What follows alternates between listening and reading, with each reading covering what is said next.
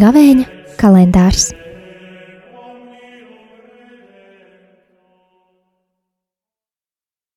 Desmitais aprīlis - palmu jeb kunga ciešanu svētdiena.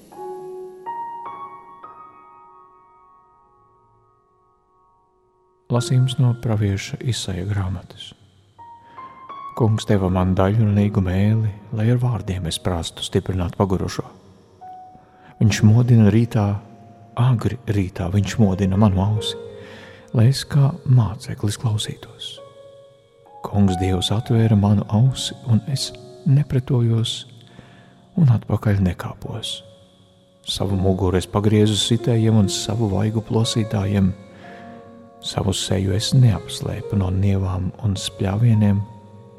Kungs, Dievs, ir mans palīgs. Tādēļ es neesmu kaunā. Tādēļ savu seju es padarīju cietu kā akmeni un zinu, ka apkaunots netikšu. Tie ir svēto rakstu vārdi.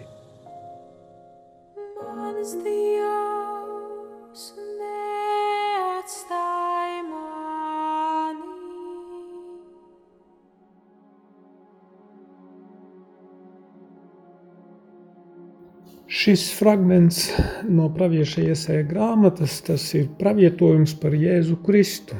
Pirmām kārtām tas ir par viņu, jo viņš bija tas, kurš nāca un stiprināja visus bēdu piemeklētos. Jēzum Kristum auss bija vienmēr atvērta uz to, ko viņam teica debesu tēvs. Viņš bija ļoti uzmanīgs uz katru svētā gara pamudinājumu. Viņa ausis bija atvērtas. Un tālāk šis pravietojums ir arī par viņa ciešanām, par eh, to, ko mēs tagad pēc pupolu svētdienas kunga ciešanu nedēļā visu apcerēsim.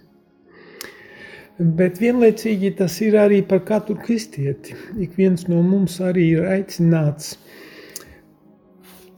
atvērt savu ausi kunga, kunga vārdam, pie tam katru dienu, katru rītu sākt ar to, lai jautātu, kungs, ko tu vēlies, lai es daru šodien. E, un mēs arī esam aicināti, lai ar savu mēli, ar savu uzrunu, ar savu valodu stiprinātu cilvēkus, savus pirmām kārtām ticības brāļus un māsas, bet arī ikvienu cilvēku šajā trauksmainajā laikā. Tātad tas ir ārkārtīgi svarīgi atvērties uz to gudrību, ko dod Dievs, nodot Dieva vārdus citiem, padarīt viņus skanošus, padarīt viņus pieejamus pasaulē.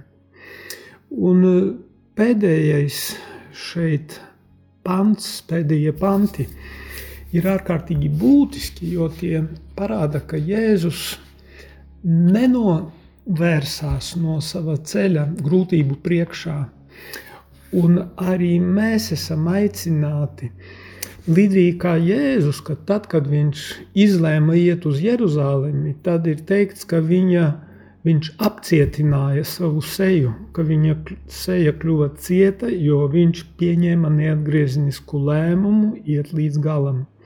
Mēs arī esam aicināti iet līdz galam, būt uzticīgiem Dieva vārda klausītājiem un pēc, pēc tam pildītājiem dzīvē, neskatoties uz to, ka mēs sastapsimies ar pretestību, mēs sastapsimies ar paļām, ar nievāšanu un varbūt pat ar ciešanām, bet Kungs Dievs man palīdz, tādēļ es nenokļuvu kaunā. Dārgie radījumā arī klausītāji, es novēlu ikvienam no jums un visiem mums, lai šīs vārds kļūst par realitāti mūsu dzīvē. Amen!